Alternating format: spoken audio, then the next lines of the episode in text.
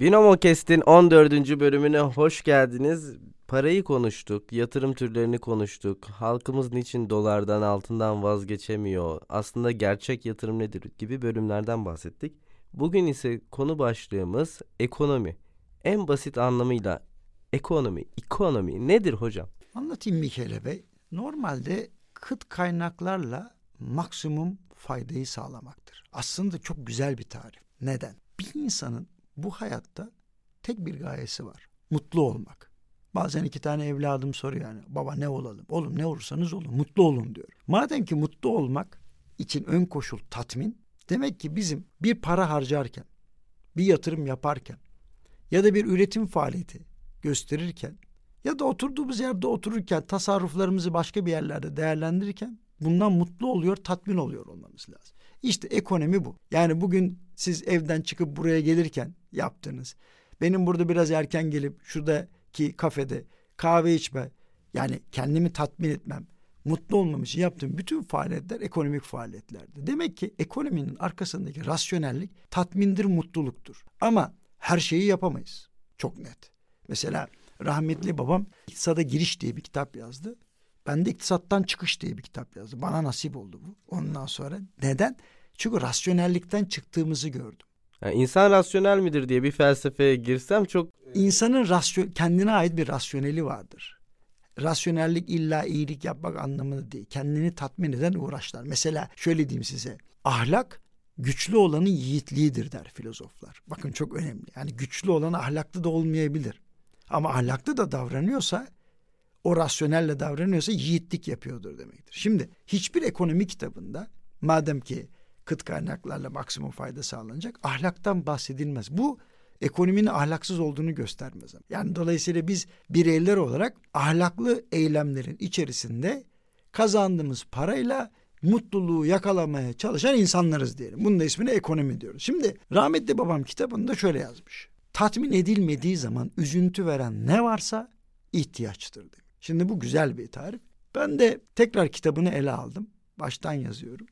Fakat bu ifade bana şöyle geldi. Çünkü babam soylu duyguların zamanında yaşamış bir insan. Yani Kaçlıydı babanız hocam? Babam 1936 doğumlu. Ve soylu duyguların zamanında yaşamış insanların böyle güzel sözleri vardı. Ben dedim ki babacığım maalesef bugün ihtiraslar tatmin edilmediği zaman üzüntü yaratıyor. Şimdi o zaman ekonomiyi ihtiraslarla ihtiyaçları ayırt edebilme sanatı diye olarak da çevirebiliriz. Çünkü bin yıl önce Keykavus bir kitap yazmış. Kabusname diye. Ama kelime kabusla alakası yok. O Arapçanın şeyinden, özünden. Diyor ki kişinin kendi parasını hükmü geçmiyorsa zulüm yaşıyor demiş. Bakın çok enteresan. Yani, çok da doğru demiş. Çok güzel. Yani evdekini memnun etmek, sevdiklerini memnun etmek, onları tatmin etmek, onların ihtiraslarını karşılamak amacıyla çalıştığınız zaman bir, bugün üzülüyorsunuz. Çünkü çalış çalış tatmin etmiyorsunuz zaten insanları ki tatmin için yaşadığınıza göre bu tuhaf bir değil mi? İkilem. İkincisi gelecekte sizi nasıl diyeyim çoluk çocuğun eline bırakmayacak paradan da oluyorsunuz. Ben bunu yaşadım. Onu söyleyeyim. Yani etrafımı mutlu etmek, efendim evdekileri mutlu etmek falan filan derken bir anda kendimi bir açmazın içinde buldum. Niye bunları söylüyorum? Çünkü başkalarına bir tavsiyelerde bulunurken işlemediğim günahların ukalalığıyla konuşmuyorum burada. Başıma ne geldiyse ondan ders alıyorum ve anlatıyorum. Sonra dedim ki bu böyle gitmeyecek. En güzeli dedim milletin ihtiraslarını bir durduralım. Çünkü siz de kapılıyorsunuz o ihtiras tramvayına. Diyorsunuz ki ya öyle mi ya benim hakkım yok mu ben de bunları alayım ben de şunu da alayım falan filan derken. Peki ya sizin ihtirasınız milletin ihtirasını doyurmaksa? Benim ihtirasım milletin ihtirasını doyurmakmış zaten. Çok Değil doğru mi? bir tespit. Şimdi ben bununla doğu mesela iyi insan olduğumu zannediyordum. Sırf bunun için bir kitap yazdım. Mükemmeli arayan kadın diye. Şaka yapmıyorum.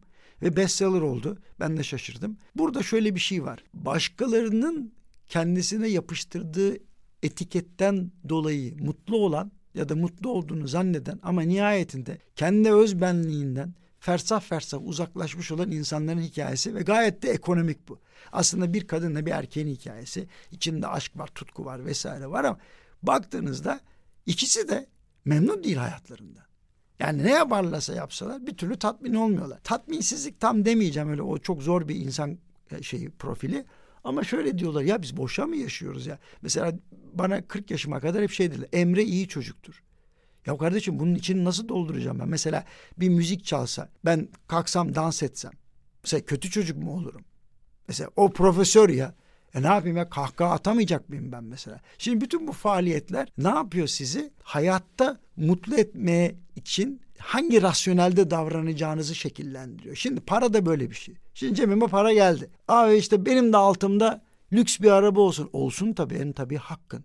Peki sen bu lüks arabayı alacaksın diye geceliğin yatakta altı tur atıp uyuyamıyorsan peki bu faydalı bir şey mi? Şimdi ekonomik faaliyetin insanı mutlu eden, huzurlu bırakan bir tarafı olmalı. Risk almak tabii bunun içerisinde ama risk de mantıklı riskler olmalı. Mesela borç alacak ilişkisinde de ekonomik davranılmalı. Benim bir arkadaşım benden bir borç istedi. Maaşımın yarısını verdim. Tabii bana ağır geldi sonra. Sordum ödüyor musun? Verecek misin? Vereceğim vereceğim dedi. Neyse üsteleyince geldi parayı geri verdi. Ne dedi biliyor musunuz? Borç verdin ama tat vermedin dedi. Keyif vermedin dedi bana. Şimdi çok ilginç. Sonra o ben ondan bir ders çıkardım. Çünkü onun bana söylediği şeyin çarpıklığı bende başka bir ışık uyandırdı. Hiçbir arkadaşıma beni rahatsız edecek, onunla arkadaşlığımı bozacak kadar bir meblağı borç vermiyorum. İtalyan bir atasözü var. Chi presta un libro ad un amico perde l'amico pure libro. Diyor ki kim arkadaşına bir kitap verirse hem kitabı kaybeder hem arkadaşını kaybeder. Kesinlikle. Yani un, tabii o zamanlar kitap çok önemli. Çünkü o İtalyan atasözü mutlaka çıktığı zamanlarda topu topu dünyayı hükmeden 5000 kitap falan vardı. Birisini bir kitap hediye etmek çok önemli bir işti yani. Kitabı çünkü geri gelmez.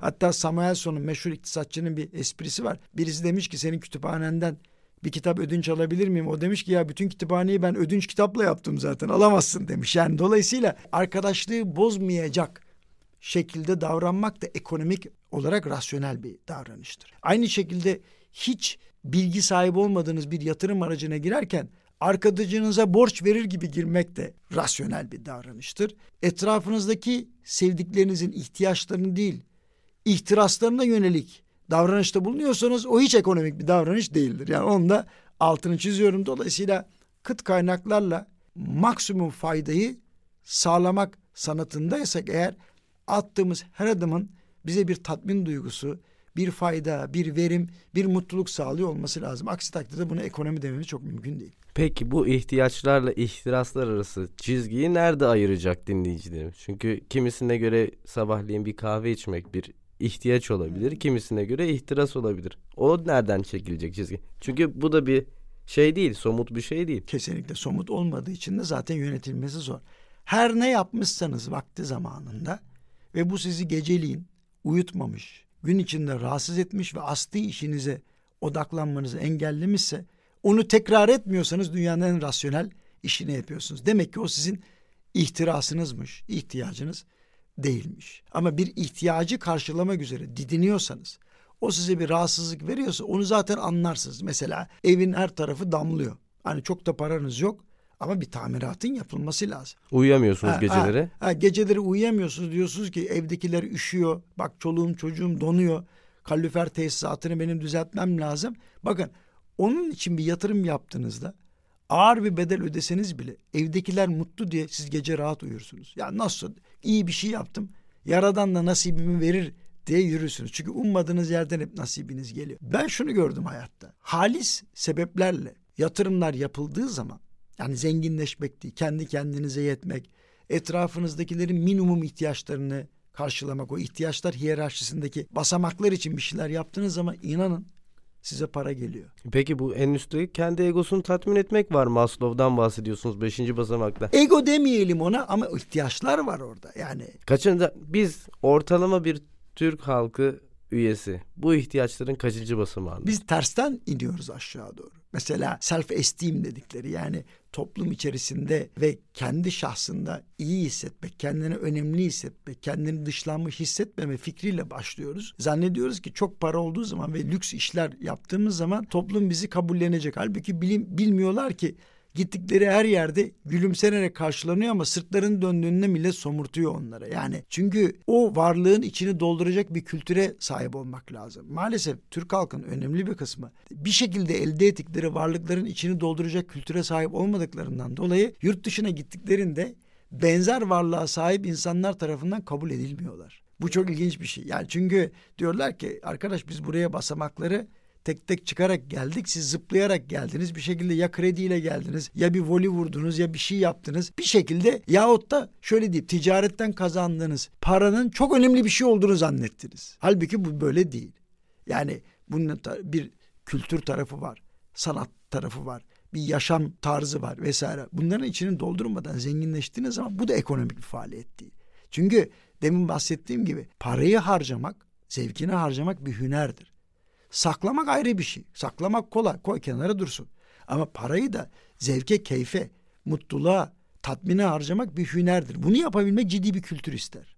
Yani kültür derken yanlış anlamayın. Yani gidip müzeye gidip öğrenmek demek değil. Test etmek, neyi sevip neyi sevmediğini anlamak, belli alışkanlıklara sahip olmak, belli hobilere sahip olmak. Yoksa sadece kendi işini anlatan insanlar çok sıkıcı insanlardır. Mesela geçenlerde uçağa biniyordum. İki tane benden biraz daha genç, hiç kimsenin merak etmediği kendi işlerine ait bir şey bağıra bağıra konuşuyorlar. Ben de döndüm dedim ki arkadaş son zamanlarda gittiğim bir film ya da okuduğum bir kitap varsa ne olur anlat. Onu daha çok merak ederiz dedim. Aa sesim çok mu yüksek çıktı? Bilemezsin ne kadar yüksek çıktı. O kadar çok övünüyorsun ki yaptığın işle kimse de merak etmiyor. Lütfen sen bunu bir değerlendir dedim. Peki hocam dedi tanıdı da bir yerde kızmadı bana. Gerçekten kendi bildiklerimizi çok önemli şeyler gibi addedip bağıra bağıra etrafta bunu anlattığımız zaman varlığımızın içini doldurmayan insanlar olduğumuzu belli ediyoruz. Bunu yapmayalım. Şimdi bugün ekonomi ile parasal ekonomi arasındaki farkı konuştuk. Aslında biraz sosyoekonomiden bahsettik, kültürden Doğrudur. bahsettik. Biraz eksik kaldığımız noktalar. Yani para kazanmayı biliyoruz. Yani birçok kişi biliyor. Birçok kişi para kazanma odaklı zaten. Yaşamayı biliyor muyuz? Gerçekten bu tartışılacak başka bir soru.